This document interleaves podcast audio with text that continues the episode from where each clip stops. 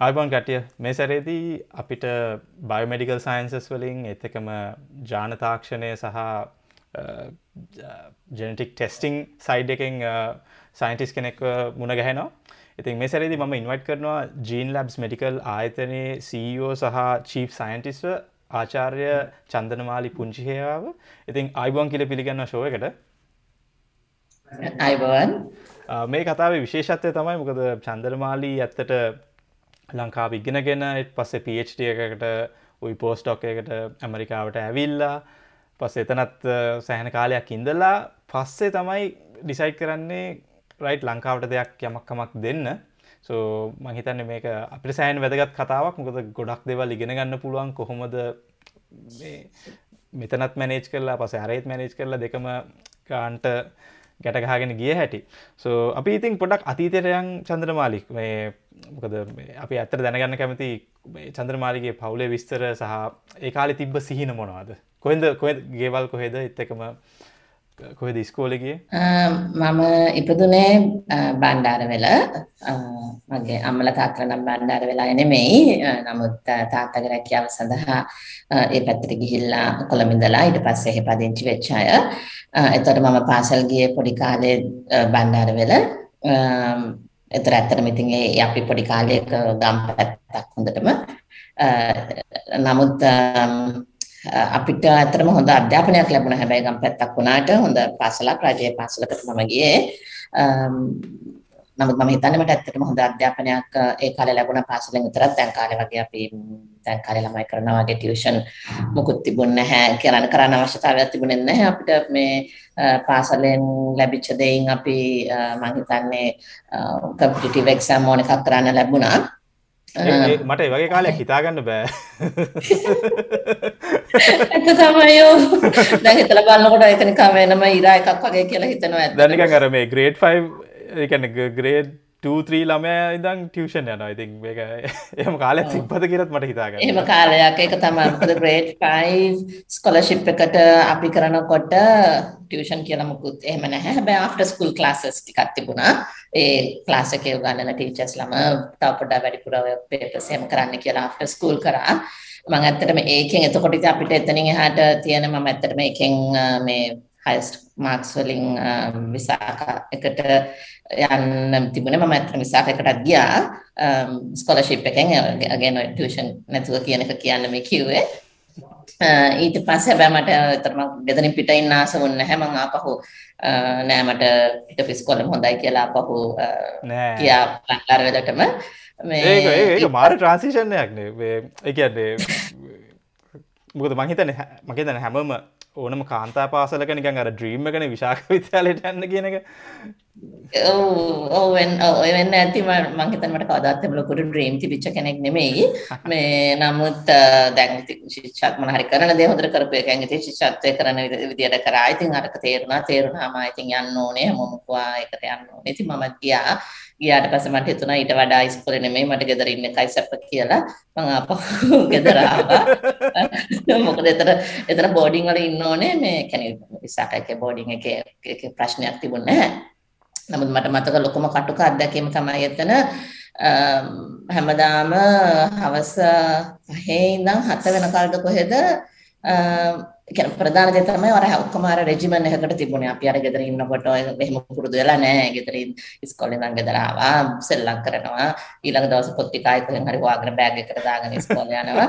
දැන් මට අර හොස්ටල් බෝඩින් ප්ලේස් එකක ඉන්නකොට මේ ඒගොල්ලන්ගේ රෙජිමන් එකේ විදිහට මේ වෙලාවට නැගිටින්න ඕනේ බෙල් එක ගැහුවාම මේ වෙලාවට උදේට කන්න ඕනේ මේ වෙලාවට දවල්ට කන්න ඕනේ මට තාමත් මතක අමාරුම දේ තිබුණේ හවස පහේ ඉඳන් හත වෙනකම් පාඩම් කරන්න ඕනේ. ඉතින් දැන් ශිෂ්‍යත් ඉවර වෙලා එතකොට අපි කීයද 6 පන්තියට ගිහිල්ලා මට පාඩම් කරනවා කියන එකක් මම දන්නේ නැහැ. අර එහෙම ඉඳගෙන පොතක් බලාගෙන පාඩම් කරනවා කියන එකක්. ඉතින් මට ඒව ඔක්කොමත් එක්ක මට ඇත්තටම හොස්ටල් එකක ඉන්න එක මට හරිම දුකක් කියලා හිතුණා. ඒක නිසා තමයි මම ඊට පස්සේ බණ්ඩාර වෙල ගියේ.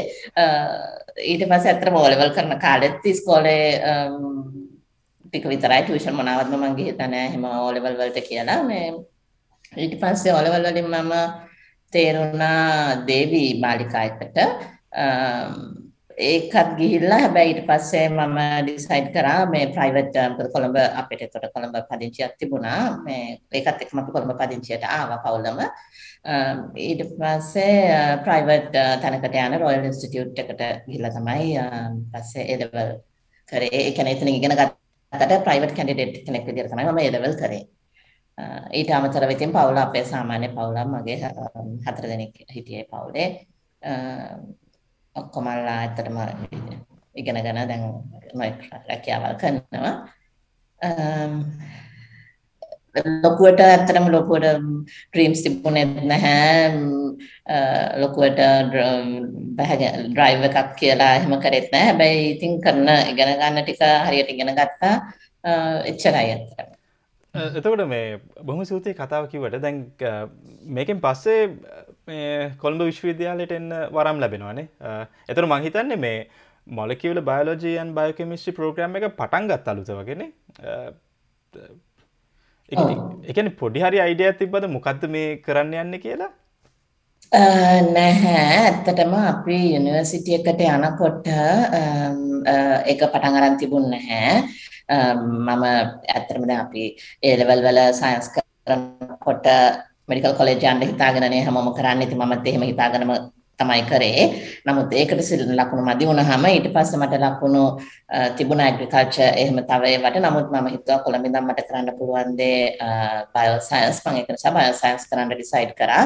එච්චරයි මොකද ඉතින් මට ලකුණු තිබිච්ච විදියට මට මෙඩිකල් කොලෙජ් යන්න බෑ. එහෙනම් ඊළඟට කරන එක මම කරනවා කියලා බයෝ සයන්ස් වලට යුනිවර්සිටි ඇඩ්මිට් යුනිවර්සිටි එකට ගියේ. එහෙදී එතනදී ඇත්තටම අපේ වාසනාවට වගේ අර ඒකත් එක ටර්නින් පොයින්ට් එකක්. අපි සෙකන්ඩ් ඉයර් ඉඳද්දී US වල ඩොක්ටර් මායා ගුණසේකර ඔව් ඔව්. එයා UK වල PhD ඒක කරලා ආවා. ඊට පස්සේ ડોක්ටර් නලින් ගුණසේකරයා US වල ඉඳලා ආපු කෙනෙක්. ඒ දෙන්නම ඇවිල්ලා පටන් ගත්තා මොලිකියුලර් බයොලොජි ස්පෙෂල් ඩිග්‍රී එක. ඒක තමයි එතකොට තමයි මොලිකියුලර් බයොලොජි ෆස්ට් ටයිම් ලංකාවේ ඩිග්‍රී එකක් කියලා ඔෆර් කරන්න ගත්තේ. දැන් ඕක පටන් ගත්ත මට දැන් ඇත්තට මේ වෙනකම් මට එහෙම ස්පෙෂල් ඩිග්‍රී එකක් කරනවාද එහෙම මොනවාවත් ලොකු අයිඩියා එකක් තිබුණේ නැහැ. නමුත් මේක පටන් ගත්තා කියලා ඒකට සිලෙක්ට් කරා සෙකන්ඩ් ඉයර් එකේ රිසල්ට්ස් වලින් ස්පෙෂල් ඩිග්‍රී එක කරන්න. දැන් එතකොට මේ කලුතෙන් පටන් ගත්ත එකක් ආයක නිකන් මේ නිකන් ට්‍රෙන්ඩ් එකක් වගේ දවස්වල ඉම්පෝටන්ට් දෙයක් කියලා හිතෙච්ච නිසා මම එතකොට ඒකට ඇප්ලයි කරලා ඒක ටීචර් සිලෙක්ට් වුණා. ඒක නිසා ඒ ස්පෙෂල් එක කරන්න පටන් ගත්තේ. අතට අපි තමයි ඇත්තටම ෆස්ට් බැච් එකේ හිටියා. අපි 6 දෙනෙක් හිටියා. අපි ඒ 6 දෙනාගෙන් තමයි මේ ඉස්සෙල්ලම පටන් ගත්තේ.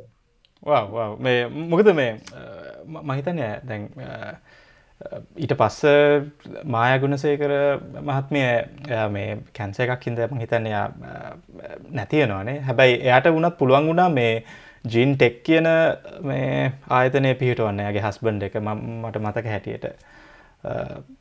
එතකොට මේ මොන වගේද ඩොක්ට මායා ගුණ සේකර මේ මොකද මට මේ කොහෙවත් එයාගෙන විඩියෝ කලිප්පයක් වත්න මන් දන්න මොන වගේද කියලා මේ පර්සනැල්ටිය එක.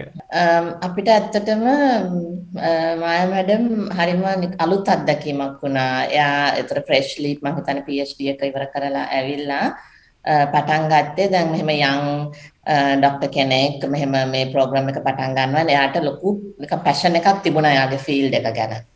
ඒවා ඔක්කොම අපිට ඇත්තටම නිකන් ඒ දවස්වල ඇත්තටම යා රෝල් මොඩල් කෙනෙක් වගේ තමයි හිතුනේ. මොකද අපි අර යන් මොනවාද නිකන් නිකන් who to look up to කියන එක ඇත්තටම එයා එහෙම කෙනෙක් වුණා.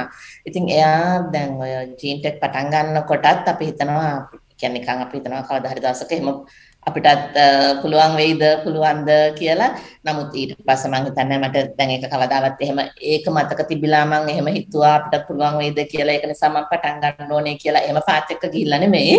නමුත් දැන් ආපහු හැරිලා බලනකොට මම ඒ දවස්වල හිතපු එකක් මමත් ඇත්තටම ඒ විදිහේ ආයතනයක් පටන් අරගෙන තියෙනවා. ඉතින් කොහොම හරි එකෙන් ඉන්ෆ්ලුවන්ස් එකක් ආවද කොහොමද කියන්න මම දන්නේ නැහැ. නමුත් අපි හරිම හොඳටම ඇඩ්මයර් කරපු පර්සනැලිටි එකක් තමයි මේ ඩොක්ටර් මායා ගුණසේකර. ඒ කියපු වෙලාව නිසා මම විශේෂයෙන් මතක් කරන්න ඕනේ ඩොක්ටර් නලින් ගුණසේකරවත් දෙන්නම ඇත්තටම අපිට ඉන්ස්පිරේෂන් වුණා. මොකද ඩොක්ටර් නලින් ගුණසේකරගේ අර ඒ පැෂන් එක තිබුණා කරන වැඩේට. ඉතින් අර ඒ දෙන්නගෙන් ආපු ආభాෂයෙන් මම හිතන්නේ අපි ඒ සබ්ජෙක්ට් එකට ඉන්ට්‍රස්ට් එක ආවේ නැත්තම් මට මොලිකියුලර් බයොලොජි කියලා යනකටත් මොකක්ද මොලිකියුලර් බයොලොජි කියන්නේ කියන එකක් දැනන් හිටියේ නැහැ. මේක හැමෝම try කරන ස්පෙෂල් ඩිග්‍රී එක. ඉතින් ඒක නිසා කරමු කියලා ගියා මිසක්. නමුත් ඇත්තට මේකට ආසාව ආවේ වැඩියත්ම ඒ දෙන්නගේ ඒකට තිබිච්ච උනන්දුව අපිට ඒක අර මේ ඉන්ෆෙක්ට් වුණා වගේ ආවා ඒක නිසා. නෑ මම මම මේ බාන්නේ මේ කොච්චර ටර්නිං පොයින්ට් එකක්ද කියලා මේ හොඳ ගුරුවරෙක් ලැබීමනේ. ඒ කියන්නේ එතනින් ළමෙක් ඒ ට්‍රැජෙක්ටරි එකට යන්න පුළුවන් නැත්නම් ඒක එපා වෙලා වෙන තැනකට යන්නත් පුළුවන්. ඒ කියන්නේ අර හොඳ ගුරුවරයෙක් කියන එකේ වැදගත්කම. චන්ද්‍රමාලි මට දැන් බොලකිවල බයලෝජි ගැන කතා කර. අපි ගොඩක් මේ මේ සෙක්ෂණ එකේදී කතා කරු මොකක්ද මේ මොලකිවල බයලෝජි කියන්නේ?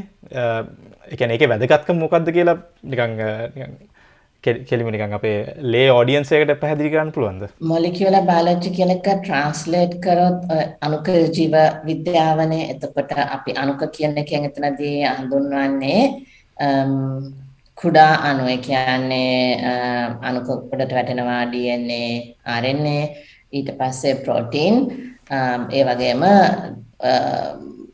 small molecules කියන chemical compounds. එතකොට ඔය ඔක්කොම ගැන ඉගෙන ගන්න එක තමයි.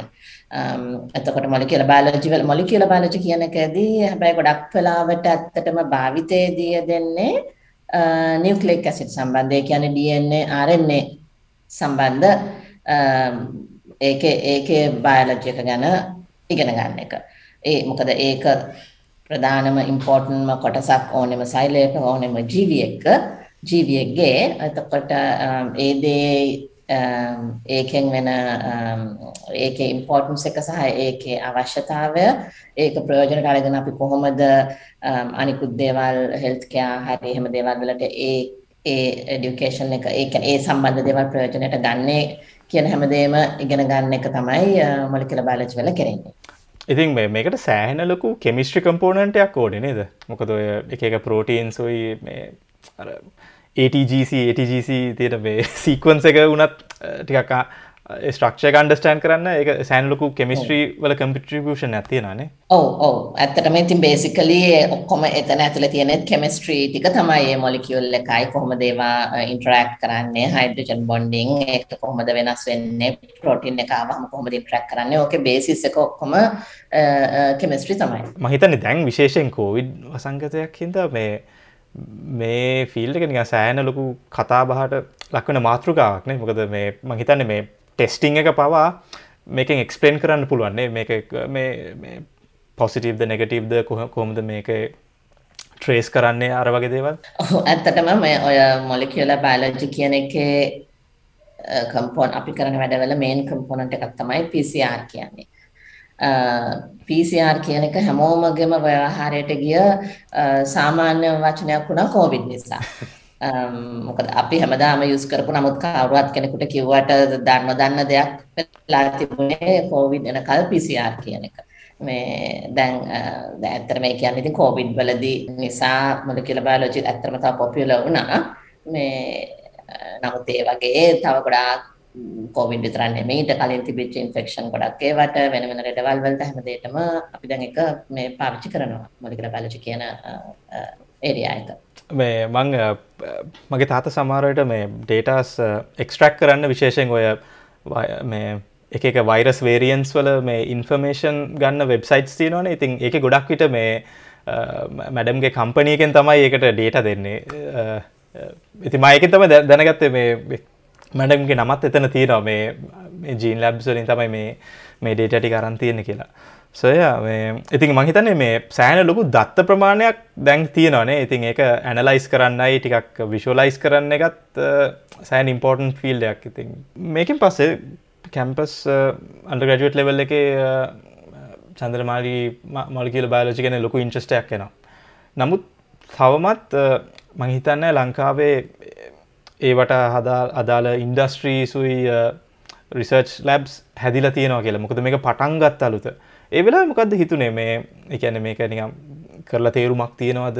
මැත මම හෝප්ලස්ට ඒ වගේ අවස්ථාවක කොහොමද චන්දනමාලි නිකම් මේ ඩිසිෂන් එක ගත්තේ? Um, ඒක මම ඇත්තටම ඒ වෙලාවේ මම ඒක ගැන තිබිච්ච ආසාව නිසා තව ඉගෙන ගන්නවා කියලා හිතුවා. ඉගෙන ගන්න කැමැත්තක් මට ආව එක ගැන. ඊට අමතරව මම ඒක හැබැයි අපිට ඉගෙන ගන්නකොට තේරෙනවා ඒකේ ඇප්ලිකේෂන් ඒ කියන්නේ ඉම්පෝර්ටන්ට් දෙයක් වෙනවා. කොහොමටත් ඉන් ෆියුචර් මේ ඒකේ ඇප්ලිකේෂන් වැඩි වෙනවා. එහෙම තේරුණා මිසක් නමුත් ඒකෙන් මම මොකක් කරයිද කියන එක ලොකුවට හිතලා නෙමෙයි. නමුත් ඒක ඉන්ට්‍රස්ටිං දෙයක් නිසා ඒක ගැන ඉගෙන ගන්න ආසාව තිබුණා. ඇත්තටම ඒ ඒ හිම නිසා තමයි මම PhD වලට යනකොටත් ඒ ෆීල්ඩ් එක නිසා මම PhD වලම කල් යනවා කියලා හිතුවේ. මොකද මම මම PhD එක කරන්න ගියේ මට PhD එක ගන්න ඕනේ කියන එකට නෙමෙයි. මට කැමති දෙයක් කරන්න නිකන් ඒක ගැන තව ඉගෙන ගන්න ආසයි කියන හැඟීමෙන් නමුත් ඊට වඩා ඒකෙන් මම කොහොමද ප්‍රයෝජනයක් ගන්න කියන එක ඇත්තටම මේ අවස්ථාවේ මම හිතියේ යුද්ධව තිබුණා වුණත් මම මෙහෙම එච්චර ලොකුවට එහෙම හිතුවේ නැහැ. ඕකේ එහෙනම් දැන් අපි යමු පොඩ්ඩක් මේ ඇමරිකාව ගැන මේ මොකද මේකෙන් පස්සේ අපි ඩිසයිඩ් කරනවා රයිට් PhD එකට යන්න ඕනේ කියලා. ඒ ඩිසිෂන් එක කොහොමද? ඒ කියන්නේ තනියමද ගියේ නැත්තං කවුර හිටිය දඳුරන මොකද මේ අලුත් අත්දැකීමක්නේ ඩිසිෂන් එක ඇත්තටම උනේ මම අර කිව්වා වගේ මම ලොකුවට PhD එකට යන්න ඕනේ කියලාම try කරේ නැහැ වැඩි يعني ඒක නිකන් ටිකක් සඩන් වගේ ආප් එකක්. හැබැයි අර මොලිකියුලර් බයොලොජි ස්පෙෂල් ඩිග්‍රී එක කරපු නිසා මිසක් ඇත්තට මේ ඩිග්‍රී එක නොකරනම් මම PhD එකට කොහොමදත් යන්නේ නැති වෙයි. මේ ඒ ඒ සබ්ජෙක්ට් එක කරාට පස්සේ ඉතින් හරි දැන් දැන් ස්පෙෂල් ඩිග්‍රී එකක් කරපු නිසා ඉතින් ඊටු ටික මොකක්ද හැමෝම ඊට පස්සේ අර GRE එක්සෑම් කරලා යන්න try කරනවා. එහෙනම් ඉතින් මමත් කරන්නම් අර එහෙම ඒ රැල්ලට වගේ තමයි මම කරා. කරලා ඊට පස්සේ ඒත් මම යනවද කියන ප්‍රශ්නේ මට තිබුණා. මොකද මම ඇත්තටම ඔය කාලේ අතරතුර මේ මොකද දැන් සයන්ස් BSc ඩිග්‍රී එකක් කරාට කොහොම හොඳ ජොබ් එකක් කරයිද කියන එක එච්චර ඒ දවස්වල කියන්නේ හරිම අපිට ලිමිටඩ් choice එකක් තිබුණේ සයන්ස් ඩිග්‍රී එකකින් මොනවද කරන්නේ කියන එක. ඉතින් ඒක නිසා මම ලෝ කොලේජ් එකට ඇප්ලයි කරලා මේ ලෝ එන්ට්‍රන්ස් එක්සෑම් එක කරලා ඒක සිලෙක්ට් කළා මම ලෝ කොලේජුත් ඒ දවස්වල ෆලෝ කරනවා. වව්. ඉතින් මම ඉතින් මම හිතන් හිටියේ ඇත්තටම මම මට මේ මෝ ලුක්‍රටිව් දෙයක් කියන මට දිගට දෙයක් ආදායමක් ගන්න පුළුවන් දේ ලෝයර් කෙනෙක් වෙන එක කියලා. ඉතින් ඒක නිසා මම ඒකට ඒ අර සයන්ස් ආසාව කියලා කරා වුණාට නැත්නම් මගේ ප්‍රොෆෙෂන් එක වෙන්නේ ලෝ කියලා තමයි හිතන් හිටියේ. හැබැයි දැන් යුනිවර්සිටි එකේදී මේ හැමෝගෙම ට්‍රෙන්ඩ් එක තියෙනවා අපි මේ ස්පෙෂල් ඩිග්‍රී කරනවා නම් දැන් ඊට පස්සේ PhD එකකට යන්න Um, ඕනේ uh, එක්සෑම්ස් කරලා යන්න ලෑස්ති වෙනවා. ඉතින් මගේ වටේ අයත් කරා. ඉතින් ඒක නිසා මම uh, කරලා ඉතින් අනිත් අය එතකොට මට එකක් ලැබින් එක එක යුනිවර්සිටි එකකින් තමයි ලැබුණේ. ඒ ලැබිච්ච එක නිසා මම නිකන් හිතුවා හරි කමන්නේ මට වෙනස් එක්ස්පීරියන්ස් එකකට uh, යමු කියලා තමයි මම ගියේ. මට අර ඒකත් අර ලොකු දැන් ගිහිල්ලා මම PhD එකක් ගන්න ඕනේ කියන එක නෙමෙයි. නමුත් මම නිකන් අර ගෙදරින් පිට මොකද අපි හැමදාම මම හැමදාම ගෙදරම ඉඳලා වෙන එක්ස්පීරියන්ස් එකක් නැතුව ඉඳලා කොල් කොළඹටත් කොළඹටත් ආව එහෙනම් අමාරුවෙන් ඉතින් හිතන් බලන්න ඇමරිකාවට යන එක. ඔව්.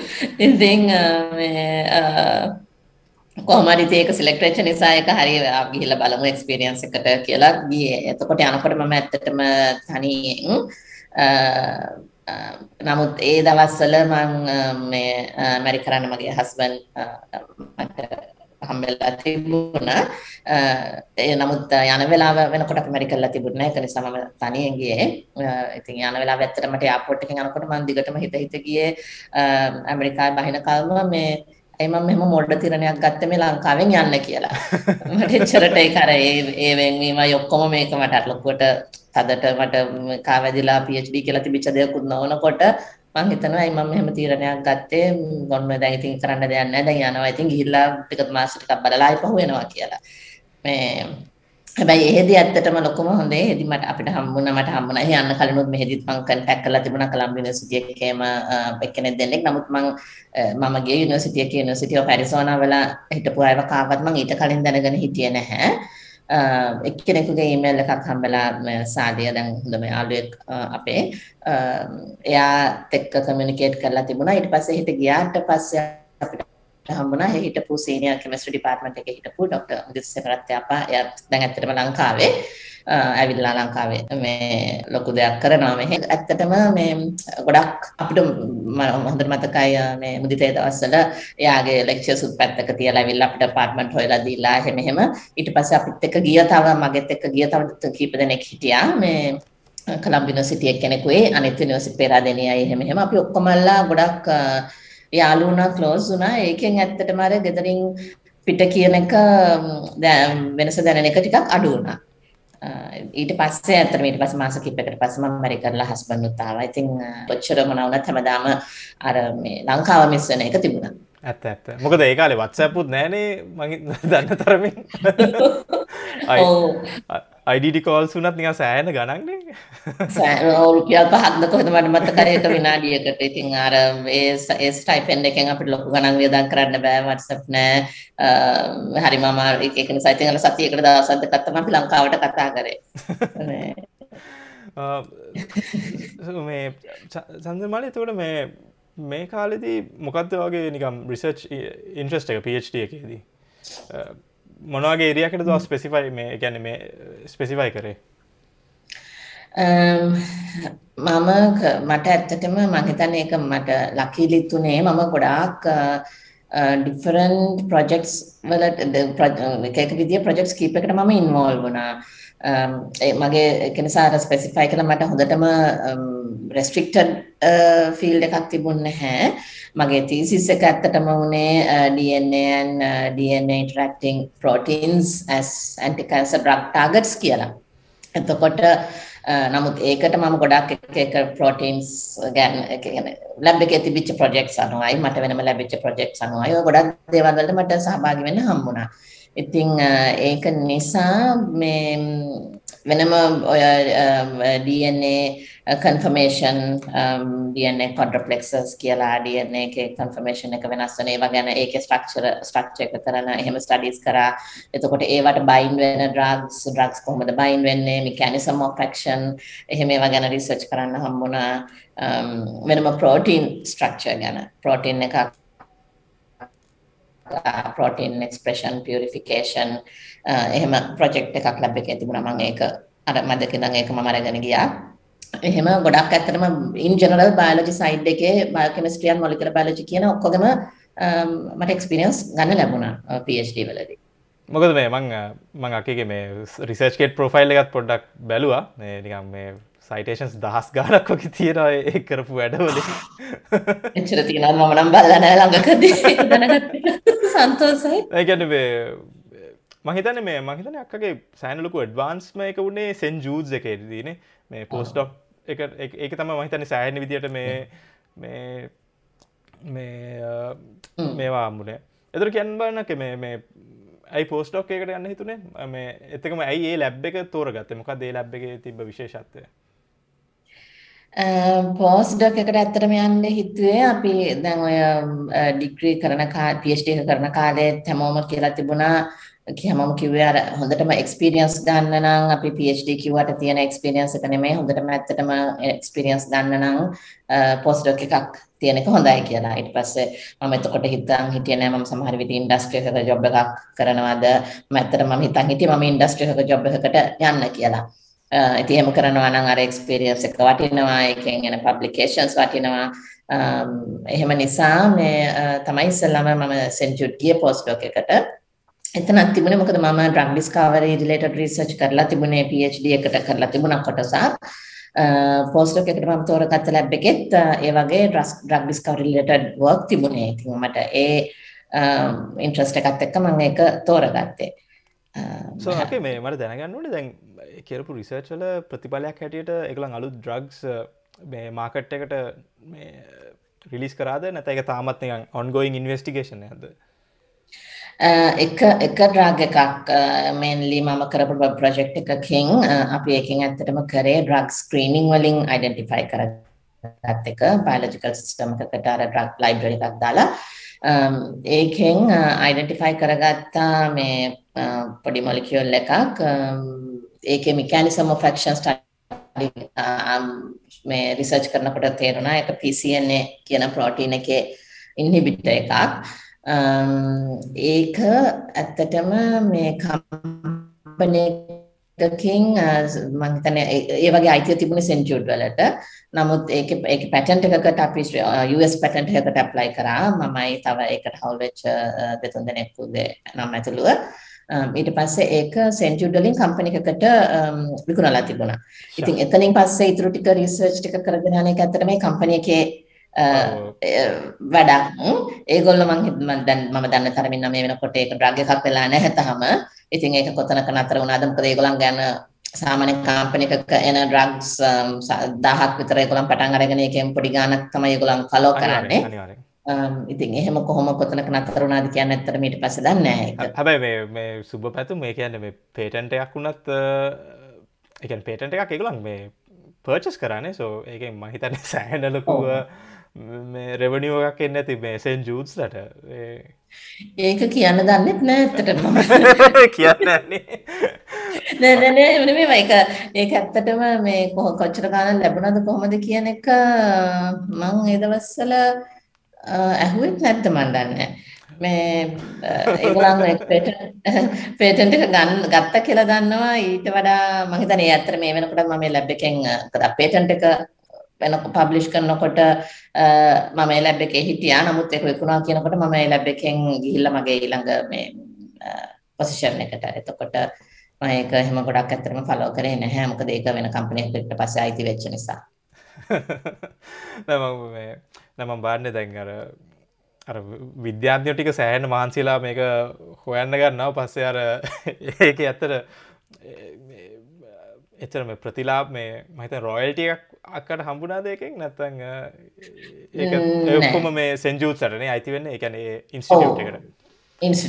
තමයි අයිති වෙන මං හිතන්නේ ඒක ඩිපෙන්ඩ් වෙනවා අපේ මොන හරි ප්‍රින්සිපල් ඉන්වෙස්ටිගේටර් ඉන්ස්ටිටියුෂන් එකත් එක්ක තියෙන ඇග්‍රීමන්ට් ඒවා ඔක්කොමත් එක්ක මොකද සමහර අය මම දන්නවා ඇත්තට මෙහෙම ඒගොල්ලන්ගේ අයිඩෙන්ටිෆයි කරගත්තේ වගේ සෙන්චුර් දෙකේම ඒගොල්ලන්ට රොයල්ටිස් හම්බෙන හම්බෙච්ච අය ඉන්නවා. මම හිතන්නේ ඒක ඒ ප්‍රින්සිපල් ඉන්වෙස්ටිගේටර්ගේ ඇග්‍රීමන්ට් එක අනුව තමයි නෙගෝෂියේෂන් අනුව ඩිපෙන්ඩ් වෙන දෙයක් කියලා මම හිතන්නේ. Right interesting. Uh, සෝක මේකට පස්සේ සෙන්ජූස් වලින් පස්සේද අක තීරණය කරන්නේ ලංකාවට එන්න ඕනේ කියලා? නැත්නම් තව uh, වෙන කම්පැනි එක වැඩ කරාද ඊට පස්සේ? නෑ සෙන්ජුඩ් තමයි මම පෝස්ට් ඩොක් එකෙන් පස්සේ ඊට පස්සේ ගියා සෙන්ජුඩ් වලම මේ ස්ටාෆ් පොසිෂන් එකකට. ඒක අවුරුදු 3-4ක් කරලා ඒ ඒ ඉන්න කාලේ මම කොහොමදත් කියන්නේ මම ඇත්තටම ඇමරිකා US ගිය දවස්වල ඉඳලා මම දැනගෙන හිටියා මගේ ගෝල් එක තිබුණා මම ආපහු ලංකාවට එනවා කියලා. නමුත් හරියටම කොහොම දවසකින්ද එන්නේ කියන එක කියන්නේ පෝස්ට් ඩොක් එකකුත් කරන්නේ නැතුව එනවද? පෝස්ට් ඩොක් එක කරලා එනවද? එහෙම කියලා. කියලා ලොකු මට එහෙම ටයිම් ලයින් එකක් තිබුණේ නැහැ. ඒක නිසා මම ස්ටාෆ් පොසිෂන් එකටත් ගියා. ඒකට ඇත්තටම මම ගියේ මොකද මට ටිකක් තව මම දැන් කරපු ඒවා හොඳටම cutting edge high technology and and very costly ඒවා ඒ වගේ දේවල් ලංකාවේ drug discovery related දේවල් ඒ අපි කරපු level එකෙන් ලංකාවේ කරන්න ගොඩක් අමාරුයි කියන එක මට තේරුණා. ඊට පස්සේ ලංකාවට ඇප්ලිකබල් දෙයක් වෙන්නේ මොනවද කියන එක ඒකට මම ඇත්තටම ඊට පස්සේ මම ස්ටාෆ් පොසිෂන් එකකට ගියේ um, පැතොලොජි ඩිපාර්ට්මන්ට් එකට සෙන්චුර්ඩ් වල. මොකද පැතොලොජි කියන එක um, ඩේලි හැමතැනම ඕන රටක යූස් වෙන දෙයක්. ඉතින් එතනදි තමයි මට ඇත්තටම මෝ ඇප්ලිකබල් um, අර මේ මේ uh, uh, රෙගියුලර් යූස් එකට ඇප්ලිකබල් දේවල් වලට සම්බන්ධ වෙන්න ලැබුණේ. ඒක ඒක වැදගත් දෙයක් ඒක මේ ඒක හොඳ දෙයක් මෙන්ෂන් කරපු එක. මොකද ඔට තේරුණා රයිට් ලංකාව මේගේ ෆැසිලිටිස් තියෙන්නේ. සෝ අයට බීමෝ රියලිස්ටික් එහින්ද මේ වගේ හයිටෙක් එකෙන් පොඩ්ඩක් ඩීවියට වෙලා ටැකෙන සිම්පල් ලෝකෝස්ට් රිසර්ච් වලට එක්ස්පිරියන්සක් ගන්න ට්‍රයි මේ ගියානේ ඇත්තටම පැතොලොජි එකෙත් ලෝ කොස්ට් කියලා නෙමෙයි. අපි කරපු ඒවා මොකද එහෙදී මම ඉඳදී උතර NGS කියන next generation sequencing දැන් very popularly used method එකක්. ඒ දවස්වල ඒක අලුත් clinical use එකට use කරනවා කියන එක අලුත් දෙයක්. and හරිම expensive දෙයක්. ඒවත් කරා පැතොලොජි ඩිපාර්ට්මන්ට් එකේ මමත් ඒවට හවුල් වුණා. මේ නමුත් කියන්නේ ලෝ කොස්ට්ම කියන එක නෙමෙයි. නමුත් මේ මෝ ප්‍රැක්ටිකල් ලංකාවේ සෙටප් එකට මෝ ප්‍රැක්ටිකල් දෙයක් මම මහිතට මේ මේක මේ මම වැරදිනම් කරෙක් කරන්න මහිත නෙක්ස් ජනරේෂන් සීකවන්සිං එකෙන් අදහස් කරන්නේ දැන් ඔය DNA සීකවන්සයක් ගත්තොත් එක මොකක් හරි වෙනස්වීමක් නැත මොකක් හරි ඉරැගියලරිට එකක් මොකක් හරි දෙයක් සර්ච් කරන්න කම්පියුටරයකට පුළුවන්කම තේරුම් ගත්තනේ. ඒකෙන් තමයි මහිතන බයෝ ඉන්ෆමටික්ස් කියන බ්‍රාංච එන්න ගත්තනේ මකිව හරිද? නෙක්ෂනරේෂන් සීකවන්සිං එකට? ඔව බයන්ෆමටික්ස් කියන එක ක්‍රටිකල් පාට් එකක් නෙක්ස් ජනරේෂන් සීකවන්සිං වල.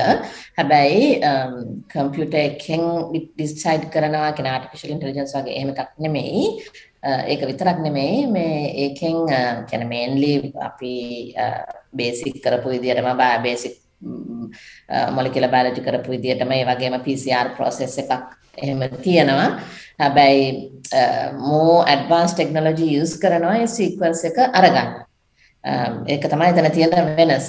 ඒ ඇඩ්වාන්ස් ටෙක්නොලොජි එක නිසා අපිට කලින් ගත්ත ක්‍රමයට වඩා ඊට කලින් තිබිච්ච මෙතඩ් වලින් ගත්ත ඉන්ෆර්මේෂන් වලට වඩා අඩු කොස්ට් එකකින් ගොඩක් ඉන්ෆර්මේෂන් ඉක්මනට ගන්න පුළුවන් next generation sequencing වලින්. ඊට පස්සේ ඒකේ ඇත්තටම ප්‍රැක්ටිකල් සයිඩ් එකට ඒක ඉන්ටර්ප්‍රීට් කරන එක තමයි බයෝඉන්ෆර්මැටික්ස් වලින් කරන්නේ. ඉතින් බයෝඉන්ෆර්මැටික්ස් නැතුව ඒ ඉන්ටර්ප්‍රිටේෂන් එක කරන්නත් බෑ මොකද ඒ data ඔක්කොම අපි අර ඇහෙන් බලන එකක් නෙමෙයි ඩිජිටල් ගන්න data නිසා. right right thanks explanation එකට.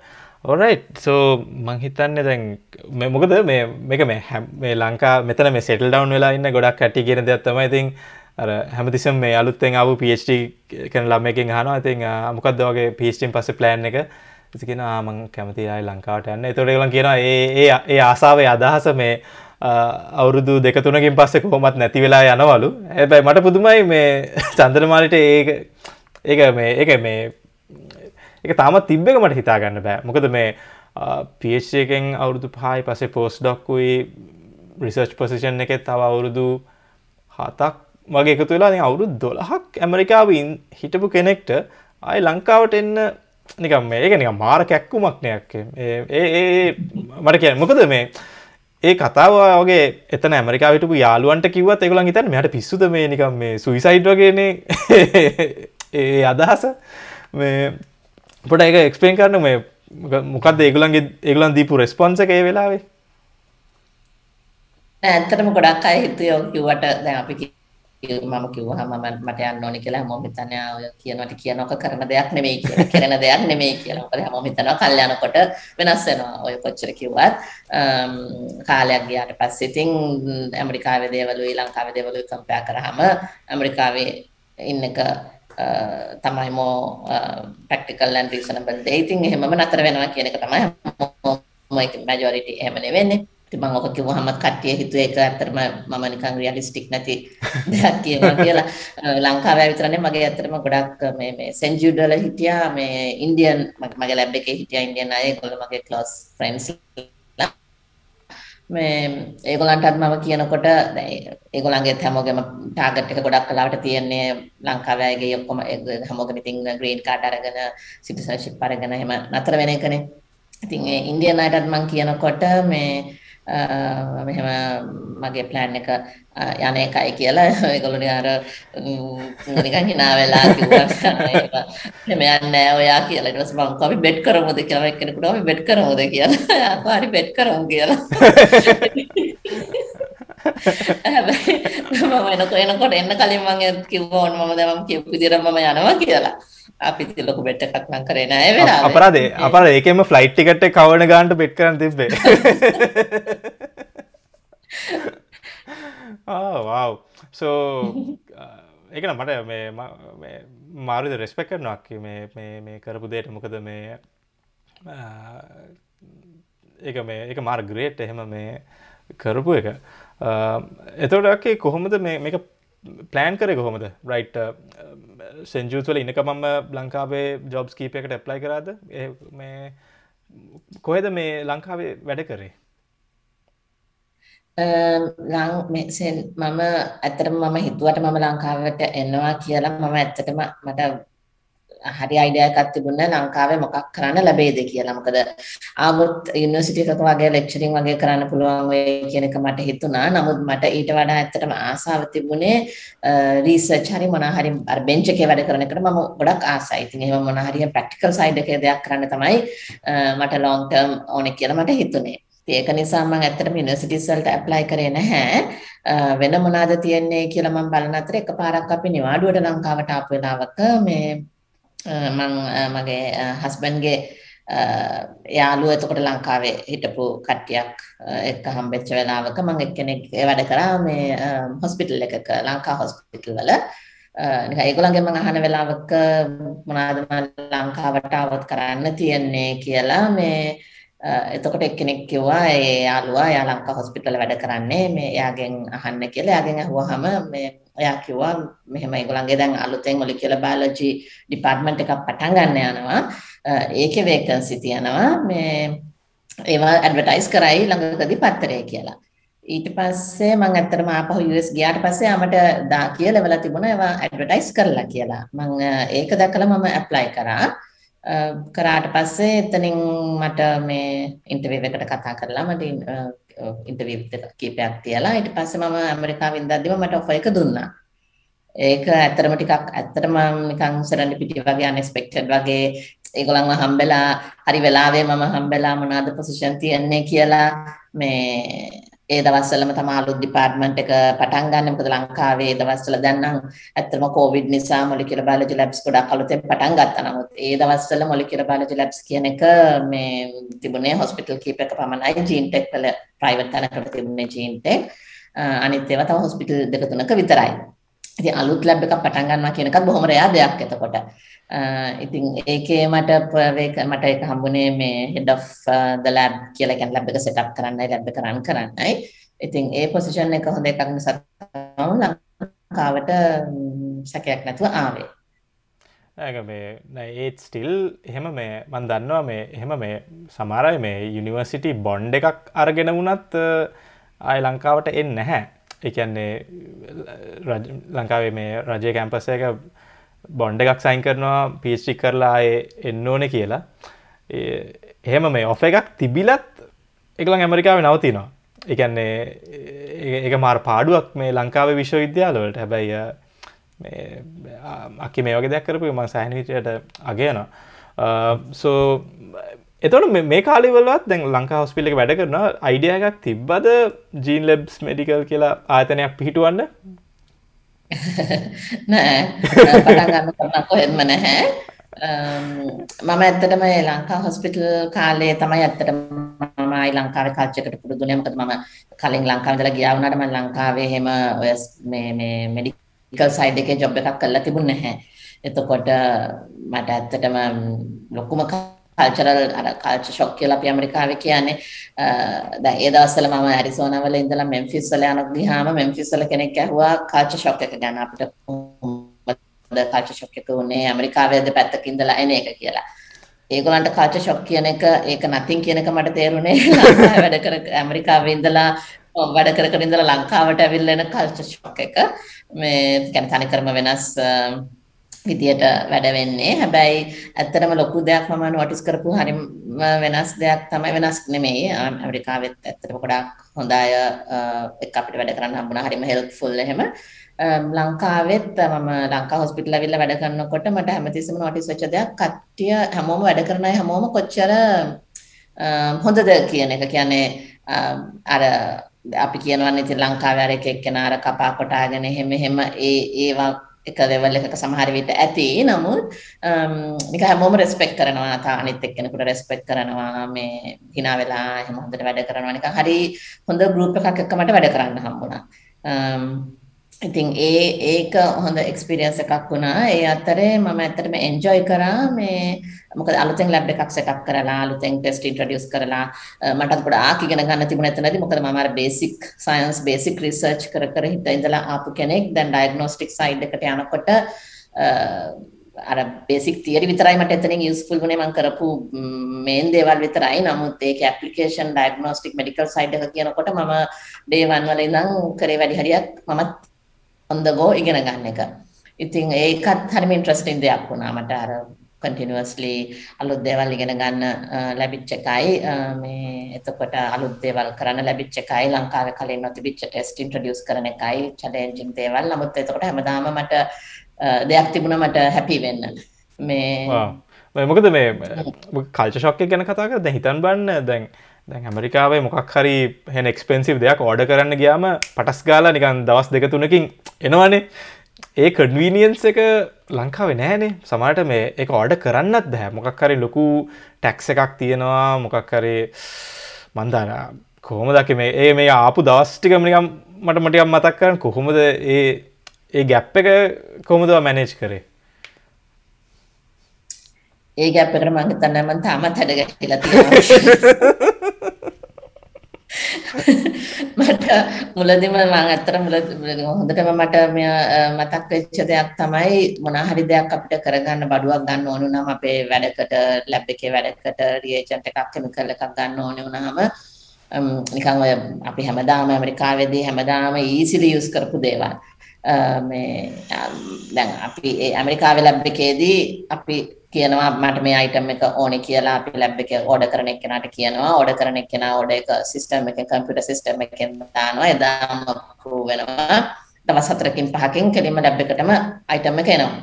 සමහර ඒවා දැන් කියන්නේ අපි යූස් කරපු කයජන් ප්‍රොඩක්ට්ස් ජර්මනි වල ඉඳලා ඇමරිකාවට එනවා. දවස් පහයි කවුරුත් ලැබ් එකේ කවුරුත් මහන්සි වෙන්න ඕනෙත් නැහැ ඉන්ස්ටිටියුෂන් එකේ ලොකුවට මහන්සි වෙන්න ඕනෙත් නැහැ ෆෙඩෙක්ස් වලින් ෂිප් කරනවා ඇවිල්ලා ලැබ් එක normal procurement process එකේ institution එකේ ඊට පස්සේ ලැබ් එකට එනවා. ඉතින් හරිම ලේසි වැඩේ කරගන්න.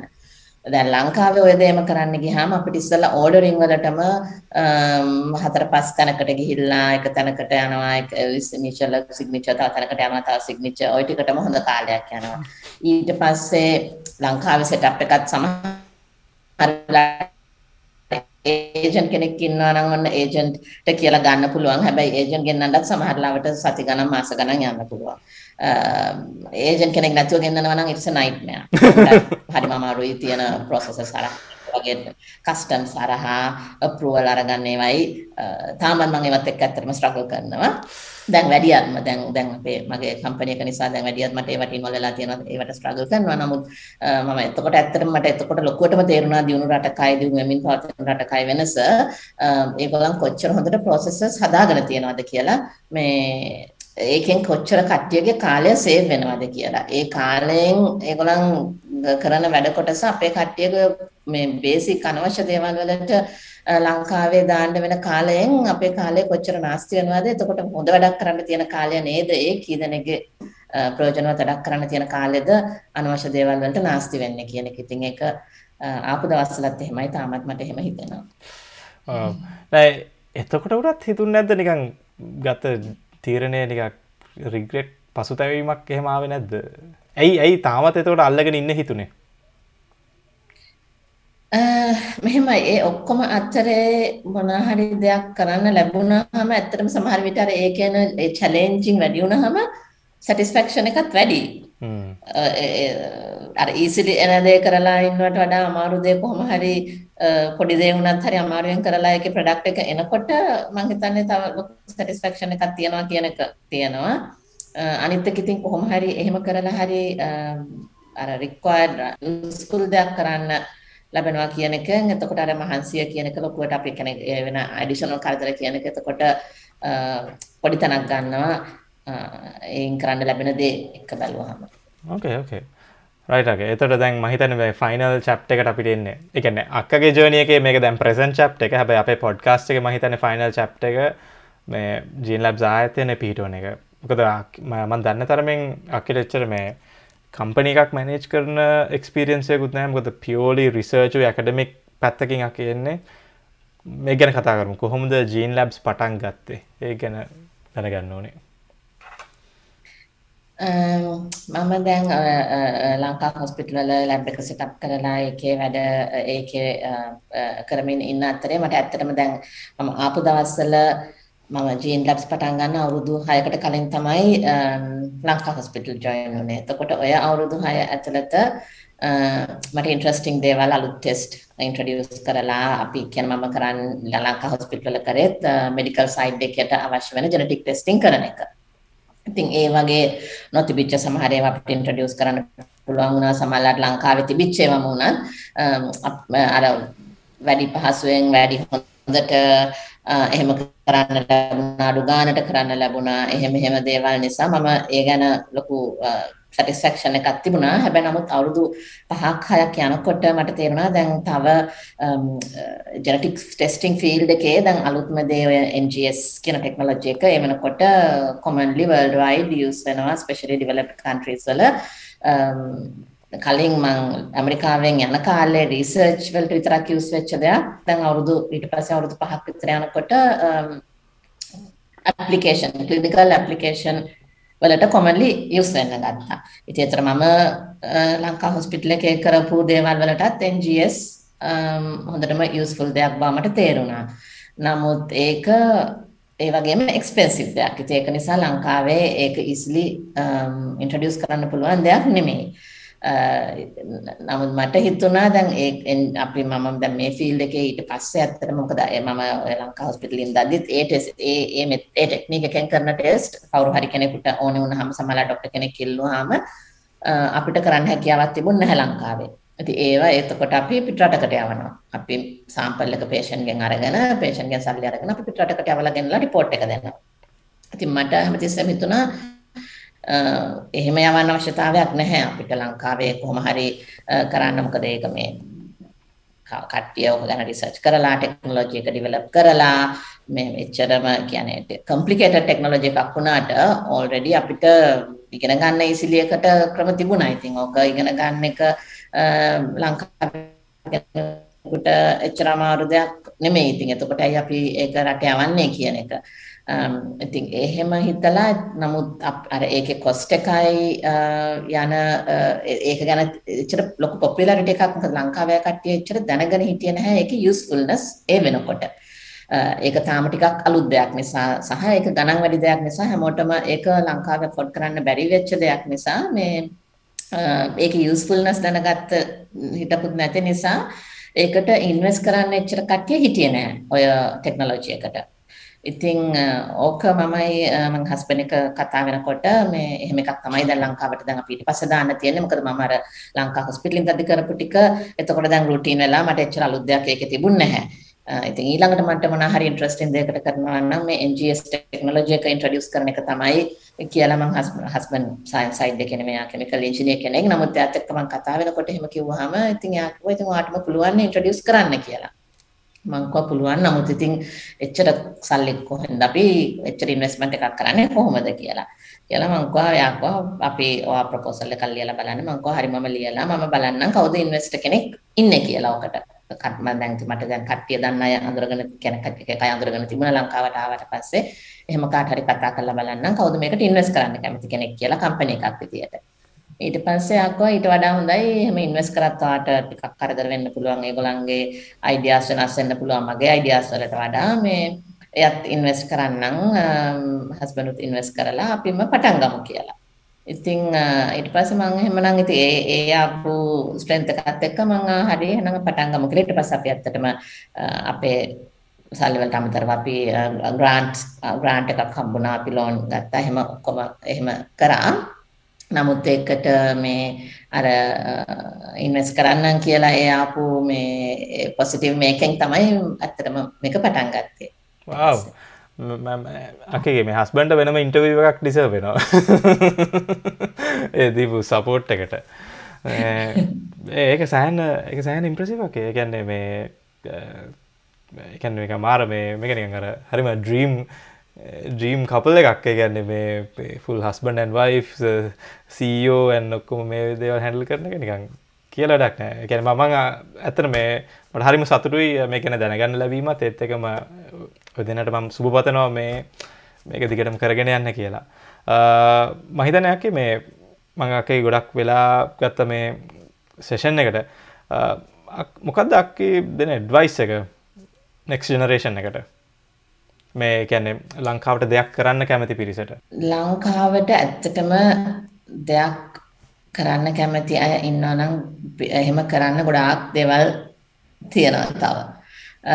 මොකද ලංකාවේ ඇත්තටම අපි ඔක්කොම දන්න දෙයක් තමයි ඇත්තටම වෙන බුද්ධි ගලනය. ඉතින් ගොඩාක් කේපබල් අය ගොඩක් පිටරටවල් වලට ගියාම ආයෙන්නේ Um, ඉන්න අයත් බලන්නේ ගොඩක් කලාවට යං ජෙනරේෂන් එක යංග ජෙනරේෂන් එක උනත් ගොඩාක් කලාවට බලන්නේ uh, කොහොමද පිටරටකට යන්නේ කියන එක. සමහරලාට ඇත්තටම මම ඉස්සර මම හිතුවා ඒක හරි නරක දෙයක් කියලා හැමෝම එහෙම හිතන එක දැන් නම් මම ඇත්තටම එහෙම හිතන්නේ නැහැ මොකද ලංකාවේ ඇත්තටම ඔපචුනිටිස් උත් අඩුයි. ඉතින් එතකොට ඇත්තටම කේපබල් කේපබල් එක්කෙනෙකුට එහෙම හිර වෙලා ඉන්නවට වඩා තමන්ට හැකියාවන් තරමට දෙයක් කරන්න බැරුව එහෙම ඉන්නවට වඩා ඉතින් පිටරටක දෙයක් කරන්න ලැබෙනවා නම් ඇත්තටම මම හිතනවා ඉතින් ඒක පරිදි දෙයක් නෙමෙයි එහෙම ගිහිල්ලා කරන එක. නමුත්